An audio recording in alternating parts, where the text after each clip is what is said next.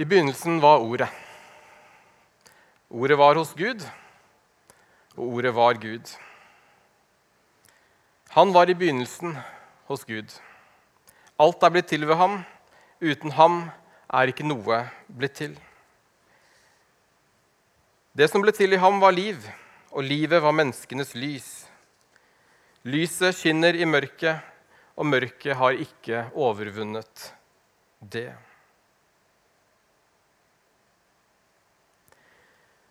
Vi er kommet fram til andre del i taleserien Tett på Jesus, som Trond Vegard sa. Tett på Jesus, altså, som er et ledd i vår nye visjon. Og vi har vært gjennom Tett på hverandre i januar. Det er Tett på Jesus nå i mars, og i mai så blir det Tett på Grimstad. Så i løpet av våren så går vi gjennom denne nye visjonen som ble vedtatt i desember. Og Forrige søndag så snakket vår barne- og familiearbeider Anne Kjersti om dette her med at om kunne vi vite at Jesus har levd. Og så var det noen ulike vinklinger på det temaet. I dag så er undertittelen 'Jesus i Bibelen'. Og Vi skal sammen se litt på den historiske Jesus i dag. Hvem var han? Hva sa han? Og hvordan møtte han mennesker?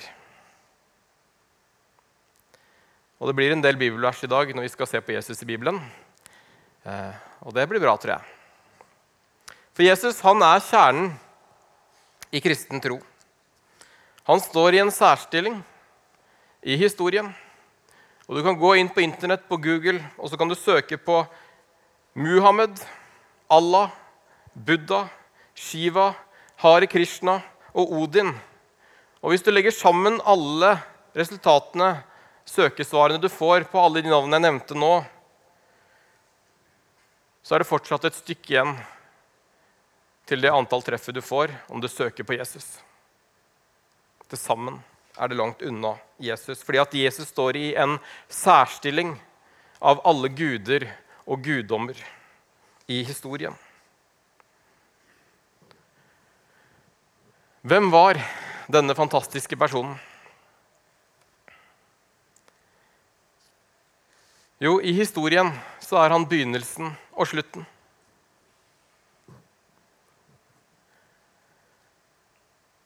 Jesus hadde ingen tjenere. Allikevel så kalte de han for mester.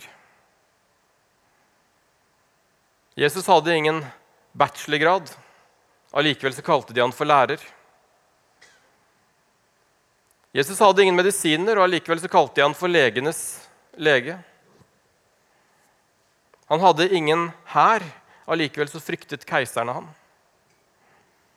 Han vant ingen slag, allikevel så erobret han verden. Han gjorde ikke noe galt. Allikevel ble han dømt til døden. Han ble lagt i en grav, og allikevel så lever han i dag. Det er noe spesielt med Jesus. Jeg håper du kjenner han. Hvis ikke håper jeg du blir kjent med han. For Jesus har berørt mennesker gjennom hele historien, han berører mennesker i dag. Hva er det som gjør at mennesker får lyst til å reise til India på ubestemt tid og sette sin egen selvrealisering på vent fordi man kjenner på et kall fra Jesus til å gjøre nettopp det. Hva er drivkraften? Jo, det er jo Jesus. Når han gjør noe med hjertene våre, så kan alt skje. Og Gjennom hele historien så er det veldig mange mennesker som har delt sine Jesus-historier og opplevelser. Vi skal få lov til å få innblikk i noen av de Jesus-historiene også her disse søndagene som ligger foran. Og Det er ikke tilfeldig at mennesker opplever ting med Jesus. Jesus gjør noe med oss om vi velger å bruke tid med han. Og For å komme tettere på Jesus i hverdagen så må vi bli kjent med han først og fremst. Vi må gripe hvem han var, og hvem han er. Og Derfor skal vi også se litt på det sammen her i dag. Og så kan det være lett å tenke at ja, Hvis vi skal bli kjent med Jesus i Bibelen, da må vi gå til evangeliene og lese om hvordan han levde. Og ja, vi kommer til å bruke en del tid i evangeliene disse søndagene. Men i dag skal vi begynne sammen i Det gamle testamentet. For Visste du at det fins mellom 300 og 400 Messias-profetier i Det gamle testamentet? som peker på Messias, på han som skal komme, og på det han skal gjøre. Mange av disse handler spesifikt om Jesus. og Vi skal se på noen konkrete eksempler først. Blant annet så har vi Zakaria 9,9, hvor det står Bryt ut i jubel, datter Sion. Rop av glede, datter Jerusalem. Se, din konge kommer til deg, rettferdig og rik på seier. Fattig er han og rir på et esel, på en eselfole. Og På palmesøndag som ikke er så veldig lenge til, så kommer Jesus ridende inn i Jerusalem på et esel. Jesus hadde tilgang til Det gamle testamentet. I hvert fall på en del av det. Og han kunne valgt å skaffe seg et esel for å, for å passe til profetien. Men han kunne ikke tvinge folk til å juble, til å legge ned palmegrener, til å møte ham og rope Hosianna. Og Jesaja 7,14 sier Derfor skal Herren selv gi dere et tegn, se den unge jenta skal bli med barn og føde en sønn og hun skal gi ham navnet Immanuel. I Matteus 1 kan vi lese at eh, det står at hun skal føde en sønn, og du skal gi ham navnet Jesus, for han skal frelse sitt folk fra deres synder. Og alt dette skjedde for at det ordet skulle oppfylles som Herren har talt gjennom profeten. Se, jomfruen skal bli med barn og føde en sønn, og de skal gi ham navnet Immanuel, som betyr Gud med oss. Hvis Jesus ville ha utnyttet profetiene i Det gamle testamentet for å underbygge hvem han var. Og hvis han var en svindler, så var det i hvert fall noen ting han ikke kunne valgt å påvirke. Han kunne ikke velge hvem som skulle føde han, at det skulle være en ung jente. Han kunne ikke velge hvor han skulle bli født. Og Det står bl.a. i Mika 5,1 at du Betlehem, Efrata minst blant slektene i Juda, fra deg la jeg en hersker over Israel komme, hans opphav er fra gammel tid, fra eldgamle dager. Jesus ble født i Betlehem. Hans opphav er fra gammel tid, fra eldgamle dager. Ja, hva leste vi da? Jo, i begynnelsen var Ordet. Ordet var hos Gud, og Ordet var Gud. Han var helt fra begynnelsen. Og han ble født i Betlehem. Han ble født ut fra Judas stamme, av de tolv stammene, som heller ikke var noe Jesus kunne påvirke. Og det står første Mosebok 49,10.: Septer skal ikke vike fra Juda eller herskestav fra hans føtter til han som eier den kommer, han som folkene skal lyde. Og I Matteus 1 så kan du lese Jesu ettertavle. og Der står det at ettertavlen til Jesus Kristus er slik at Abraham fikk sønnen Isak, Isak fikk Jakob, Jakob fikk Juda og brødrene hans. Og så fortsetter det ned til Jesus, som ble født ut fra Juda. Og en av de sterkeste profetiene vi har om Jesus, det er i Salme 22. Det var en del profetier som heller ikke folk skjønte var profetier før etter Jesu død. Og Sånn sett så var det iallfall vanskelig for de som eventuelt ville prøve seg på litt svindel, når ikke folk engang anerkjente det som profetier, eller kanskje ikke skjønte de. Jesus kunne heller ikke påvirke hvordan han skulle dø. Han kunne ikke påvirke hva soldatene skulle gjøre med klærne hans når han var død. Han kunne ikke påvirke hva som skjedde med kroppen når han var død, osv. Men la oss trekke ut noen vers fra Salme 22, som noen også sikkert vil kjenne igjen fra evangeliene. For i Salme 22, 22,1 så står det at uh, Min Gud, min Gud, hvorfor har du forlatt meg? Hvorfor er du så langt borte når jeg trenger hjelp, og skriker ut min død? Og 7-8 sier, Men jeg er en mark og ikke en mann, spottet av mennesker, foraktet av folk. Alle som ser meg, håner meg, vrenger leppene og rister på hodet. Og vers 9. Han har overgitt seg til Herren. La ham fri ham ut og redde ham, siden han har glede i ham. Vers 15. Jeg renner bort som vann, alle mine bein er løsnet, hjertet er som vokst, det smelter i meg. Videre, munnen er tørr som et potteskår, tungen er klistret til ganen, du legger meg ned i dødens støv. Vers 17. Hunder samler seg om meg, og en flokk av voldsmenn omringer meg. De gjennomborer mine hender og føtter. Og hvert bein i kroppen kan jeg telle. De stirrer, de ser på meg. Og videre. De deler klærne mine mellom seg og kaster lodd om kappen. Men du, Herre, vær ikke langt borte, min styrke, skynd deg og hjelp meg, står det i Salme 22. Det er ganske mye som stemmer overens med evangeliene. Jesus ble gjennomboret i hender og føtter. Munnen var tørr. Han var tørst på korset. Soldatene delte klærne med seg. Det står at de kastet lodd om kappen. Akkurat det som det står i Salme 22. Og Hvis de hadde kjent til denne profetien, så tviler jeg på at de romerske soldatene tenker at ja, la oss gjøre det som står i profetien, for å bare underbygge Jesus, som vi akkurat har drept, for å være jødenes konge. Det er mye i Det gamle testamentet som peker på Jesus. og Et av de mest kjente er jo Jesaja 53, 5 og 6, hvor det står men han ble såret for våre lovbrudd, knust for våre synder. Straffen lå på ham. Vi fikk fred. Ved hans sår ble vi helbredet. Vi gikk oss alle vill som sauer, hver tok sin egen vei. Men skylden som vi alle hadde, lot Herren ramme ham. Jesus tok vår skyld på seg på korset. Han ble såret for vår skyld. Jesus oppfylte også en haug med profetier. Mange i det han døde, og etterpå. Hele Det gamle testamentet er med på å underbygge Jesus, hvem han var, hvem han er. Det underbygger hans liv og det vi kan lese om Jesus i evangeliene. For kristen tro handler om Jesus. Jesus er det sentrale. Eller som Paulus selv sa det i 1. Korinterbrev 2,2. For jeg hadde bestemt at jeg ikke ville vite av noe annet hos dere enn Jesus Kristus og ham korsfestet. Det er det det handler om. Det er det sentrale. Jesus kom og døde for deg og for meg. Han gjorde det mulig for oss å ha en levende relasjon til ham. Og så skal vi få lov til å leve og prøve å bli så lik ham som mulig her på jorden. Og så kommer vi kanskje aldri til å klare det, men vi kan få lov til å strekke oss litt etter litt. Og hvis vi skal klare å strekke oss, så må vi leve tett på ham i hverdagen. Og så må vi se på hvordan han levde, og så må vi lære av han.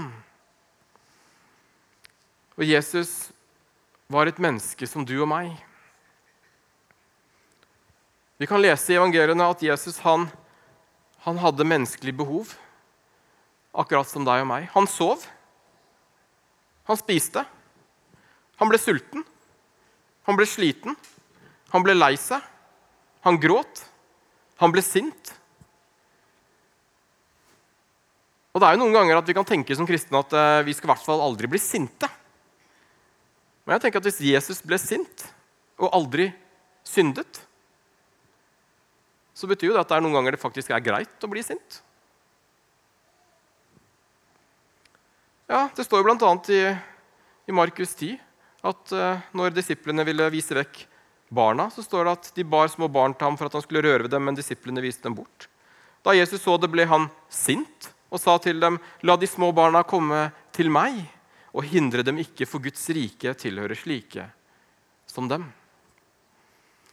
Og når Jesus så at bønnens hus var gjort om til en røverhule, så ble han sint og veltet bordene og jaget ut de som solgte. Det var en berettiget harme, og det er visst lov.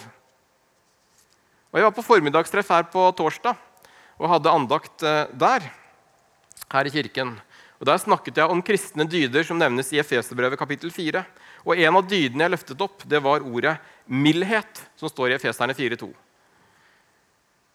Og Det greske ordet som er brukt og oversatt med mildhet her, da, det er ordet praotes, som kommer fra adjektivet praus. Og Det kan ikke oversettes på en enkel måte.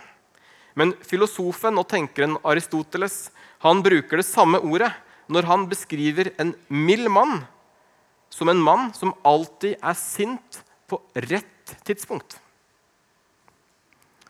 Men aldri sint til feil tidspunkt. Og jeg tenker at ja, den mildheten tror jeg Jesus hadde. Og vi er kalt til å leve ut den samme mildheten. Men mildhet betyr altså ikke nødvendigvis at man aldri blir sint. Man bare skal bli sint på rett tidspunkt. Og lykke til med å finne ut når det er, men Det kan jo være greit å ta med seg uansett. Jesus var også avhengig av sin relasjon til sin far. Han var avhengig av å pleie den relasjonen. Og det er x antall eksempler, altså mange eksempler i evangeliene på at Jesus søkte stillheten, han søkte fjellet, han søkte alene og søkte Gud for å bruke tid med han i bønn, i stillhet. I ørkenen var han. Vi kan ta med et par kjappe bibler som eksempler. Annet Lukas 6,12. På denne tiden gikk han en gang opp i fjellet for å be, og hele natten var han der i bønn til Gud. Og i Matteus 14, 23 Straks etter fikk han disippelen til å gå i båten og dra i forveien over til den andre siden, mens han selv sendte folket av sted. Da han hadde gjort det, gikk han opp i fjellet for å være for seg selv og be. Og Det er mange slike eksempler som Jesus trengte i sin tjeneste for å kunne stå i den tjenesten han sto i. Og Hvis vi skal være tett på Jesus, så må vi bruke tid med han. Jesus hadde skjønt at hvis han skulle fungere, så måtte han bruke tid med sin far. Han trengte bønnestunder, han trengte alenestunder. Men mange av oss i dag vi raser rundt i stor fart, har sjelden tid til å sette oss ned. Og så undrer vi oss når vi møter motstand, eller når ikke alt går på skinner, når vi blir slitne og kraftløse. Og så er det kanskje fordi at vi aldri tar oss tid til å lade batteriene eller til å søke kraften der kraften er, hos Jesus. Vi følger ikke Jesu eksempel og bruker tid med Han alene. Og Der tenker jeg at vi må strekke oss.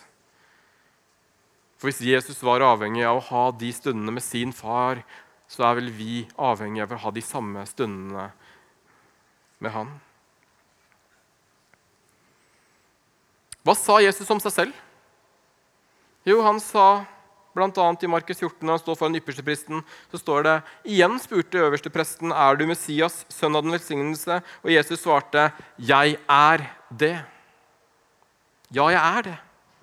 Jeg er Messias. Han sa han var Messias, og han sa mye mer òg. Han sa bl.a. at 'jeg er verdens lys'. Den som følger meg, skal ikke vandre i mørket, men ha livets lys. Mange mennesker har beskrevet sitt møte med Jesus som at de fikk se lyset. Og Jeg tror ikke det er tilfeldig, men jeg tror det er fordi at Jesus er lys i mørket. Og Når vi går fra mørket til lyset, så får vi kanskje ofte se og oppleve dette lyset. Som hjelper oss til det. Han sa i Matteus 11,28.: Kom til meg, alle dere som strever og bærer tunge byrder, så vil jeg gi dere hvile. Han sa ikke 'kom til Gud og finn hvile', men han sa 'kom til meg og finn hvile. Og så tror vi at han er Gud. Men det er ved Jesus som døde på korset, som tok alle våre byrder og synder på seg, som vi kan få lov til å komme til, akkurat sånn som vi er. Og I Johannes 6,35 så sa han, 'Jeg er livets brød'. Den som kommer til meg, skal ikke hungre, og den som tror på meg, skal aldri tørste. Og Jesus er livets brød for alle mennesker. Uansett om du har glutenallergi eller ikke, så er han livets brød for deg. Og Johannes 4, 14, den som drikker av det vannet jeg vil gi, skal aldri mer tørste, for det vannet jeg vil gi, blir i ham en kilde med vann som veller fram og gir evig liv.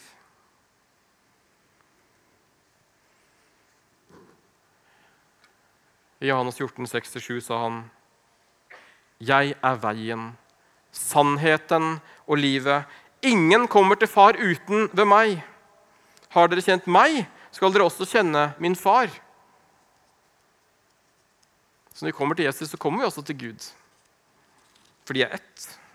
Men Jesus er veien, sannheten og livet. Han sa 'I am the way and the truth and the life' på engelsk. Han sa 'Isos estekala advarol shiviatsa' på rumensk. Han sa 'Jesus es el camino la verdad y la vida' på spansk. Jesus er veien, sannheten og livet for alle mennesker på jorden til enhver tid. Vår tidsregning er oppkalt etter Jesus Kristus. Vi lever i dag i år 2020 etter Kristus. Jesus er veien, sannheten og livet for alle oss som lever i dag. Og Når vi en dag er borte, så vil Jesus fortsette å være veien, sannheten og livet for de menneskene som lever da. Og Sånn vil det fortsette, fordi at Jesus er mye større enn alle oss. Han er større enn alt. Og han sa det selv. i Matteus 28 at 'jeg har fått all makt i himmelen og på jorden'. All makt til Jesus. Og han som har all makt i himmelen og på jorden, han får vi lov til å tjene. Han kan vi velge å koble oss på. For Et siste bibelvers som Jesus sa om seg selv, det er Johannes 15, 4-6, hvor han sa:" Bli i meg, så blir jeg i dere. Slik som greinen ikke kan bære frukt av seg selv, men bare hvis den blir på vintreet, slik kan heller ikke dere bære frukt hvis dere ikke blir i meg. Jeg er vintreet, dere er grenene. Den som blir i meg og jeg i ham, bærer mye frukt, for uten meg kan dere ingenting gjøre.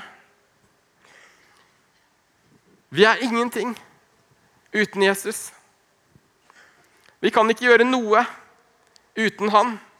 Bare Jesus kan frelse, og han har lovet å bli i oss om vi blir i ham.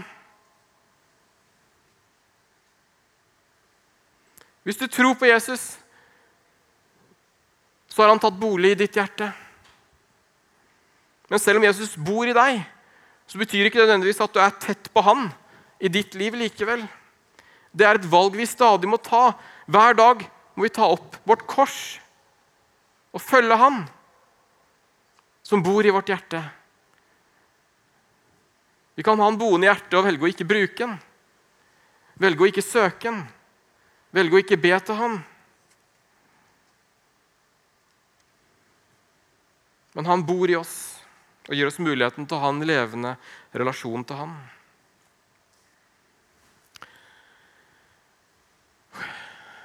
Nå har jeg snakka mye om hvem Jesus var, hvem Bibelen sa han var, hvem han selv sa han var. Vi rekker ikke all verdens dag når det gjelder hva han gjorde. Men vi skal se på et par korte historier. For jeg tror vi kan lære mye i dag av hvordan Jesus også møtte mennesker som vi kan lese i evangeliene. Jesus brydde seg om hele mennesket. Han var ikke bare interessert i de, at de skulle bli hans etterfølgere og tro på han, men han brydde seg om deres fysiske behov like mye som deres åndelige behov. Og ikke minst han elsket alle mennesker. Og Han møtte menneskene der de var, stadig på vandring og på reise. Så gikk han dit hvor Gud ledet han, og der møtte han mennesker som han elsket. Og I Markus 19, 46-52 så står det de kom til Jeriko. Og Da Jesus dro ut av byen sammen med disiplene og en stor folkemengde, satt en blind mann ved veien og tigget. Han het Bartimeus, sønn av Timus. Da han hørte at det var Jesus fra Nasaret som kom, satte han i å rope, 'Jesus, du Davids sønn, ha barmhjertighet med meg.' Mange snakket strengt til ham og ba ham tie, men han ropte bare enda høyere, 'Du Davids sønn, ha barmhjertighet med meg.'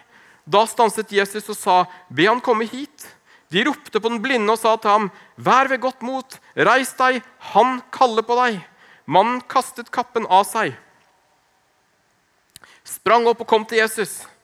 'Hva vil du at jeg skal gjøre for deg?' spurte Jesus. Og den blinde svarte, 'Rabuni, la meg få synet igjen.' Og da sa Jesus til ham, 'Gå du, din tro har frelst deg.' Og straks kunne han se, og han fulgte Jesus på veien. Han kom til Jesus og fikk oppleve en forvandling i sitt liv. Og så valgte han å følge Jesus. Det var ikke alle mennesker som Jesus helbredet eller rørte ved, som valgte å følge ham. Det er et valg alle mennesker har. Et valg vi må ta. Men denne mannen valgte å følge Jesus etter et møte med Jesus. Jesus sa 'kom til meg', og han kom til Jesus og ble helbredet. Og I Markus 1, 40 og 41 så står det en mann som var spedalsk, kom til ham, falt på kne og ba om hjelp. 'Om du vil, kan du gjøre meg ren.' Og Det står at Jesus fikk inderlig medfølelse med ham, rakte ut hånden og rørte ved ham og sa, 'Jeg vil bli ren'. Og så ble han det. Og i Lukas 7 Kort tid etter ga Jesus seg på vei til en by som heter Nain. Disiplene og en stor folkemengde dro sammen med ham. Da han nærmet seg byporten, ble en død båret ut i graven. Han var sin mors eneste sønn, og hun var enke. Sammen med henne kom et stort følge fra byen. Da Herren fikk se enken, fikk han inderlig medfølelsen med henne og sa, 'Gråt ikke.' Så gikk han bort og la hånden på båren, og de som bar den, stanset, og han sa, 'Du unge mann, jeg sier deg, stå opp.' Da satte den døde seg opp og begynte å tale, og Jesus ga ham til moren. Og Jeg vet ikke om du ser et mønster i de historiene her, men i de historiene hvor Jesus møter mennesker, så står det konsekvent at han fikk inderlig medfølelse med menneskene. Jeg tror at det som drev Jesus, det var kjærligheten til sine barn, til hvert enkelt menneske. Han brydde seg virkelig om dem, og han gjorde det på ekte. Det kom fra hjertet. Han ble rørt av de menneskene han møtte. Han ble berørt av deres liv. Og Et siste eksempel fra Johannes 11. Der er Lasarus død. Og Det står i Johannes 11, 32-38 at da Maria kom dit Jesus var, og fikk se ham, kastet hun seg ned for føttene hans og sa, 'Herre, hadde du vært her, så ville ikke broren min vært død.' Da Jesus så at både hun og alle jødene som fulgte henne, gråt, ble han opprørt og rystet i sitt innerste. Og han sa, 'Hvor har dere lagt ham?' 'Herre, kom og se', sa de. Jesus gråt. 'Se hvor glad han var i ham', sa jødene. Men noen av dem sa, 'Kunne ikke han som åpnet øynene på den blinde, også ha hindret at den samme mannen døde?' Jesus ble igjen opprørt og gikk bort til graven.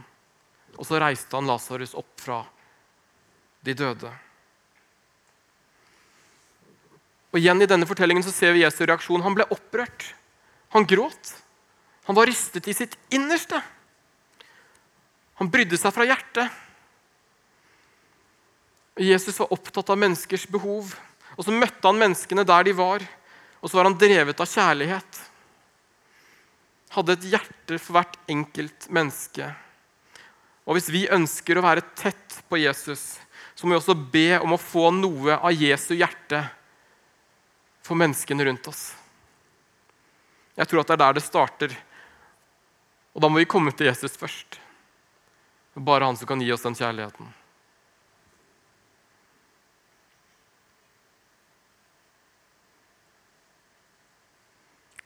Nå har vi vært innom ca. 25 bibelvers i dag om Jesus i Bibelen. Og det var litt om Jesus i Bibelen, men det er mye mer om han der. Og Derfor bør vi også studere ordet. Vi bør lese evangeliene. Vi bør se på hvordan Jesus levde, om vi ønsker å komme tett på han og være lik som han. Så les gjerne i evangeliene denne måneden her, spesielt når vi har tett på så får vi oppmuntra til å lese gjennom f.eks. Markusevangeliet eller et annet evangelium. Gjør gjerne det. Og til og med hele Bibelen er bare et lite utdrag av det livet Jesus levde. Hør hva Johannes skriver.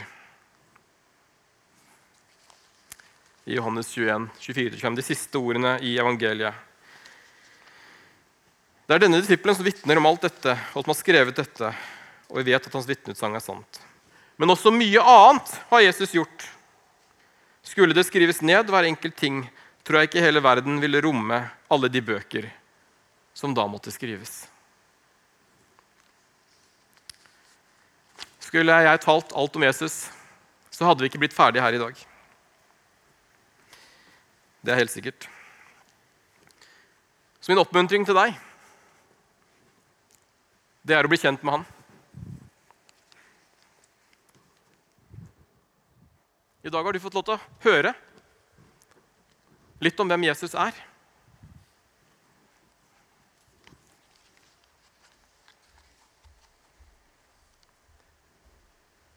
Men det viktigste spørsmålet er egentlig hvem er han for deg i dag?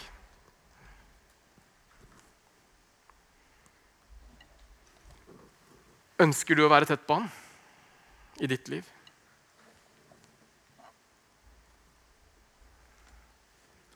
Som du kanskje velger å bruke tid med ham? Og Den beste måten å komme tett på Jesus det er å komme til han og be en av de sterkeste bønnene du kan be, som er 'Jesus, gi meg ditt hjerte'. Jesus, gi meg ditt hjerte for mennesker rundt meg. Det var kjærligheten til sin far og kjærligheten til menneskene som drev Jesus. Han fikk en inderlig medfølelse med de menneskene han møtte. Og han ønsket å møte menneskene der de var. Og så kom menneskene til Jesus fordi de visste at han kunne hjelpe. Og de visste at Jesus brydde seg om dem, og derfor så kom de. Og jeg tror at Hvis mennesker vet at du bryr deg om dem, så vil de komme til deg. Jesus oppsummerte det fint og sa at å elske Gud og elske vår neste, det er det viktigste vi kan gjøre. Men vi trenger Han for å klare det, og han inviterer oss til å komme til seg. Jesus står med armen ut. Han står med en utstrakt hånd og spør vil du følge meg. Vil du gå med meg? Hva er det som driver oss i våre liv? Er det penger? Er det makt? Er det statusjag? Er det karriere? Er det materialisme eller selve?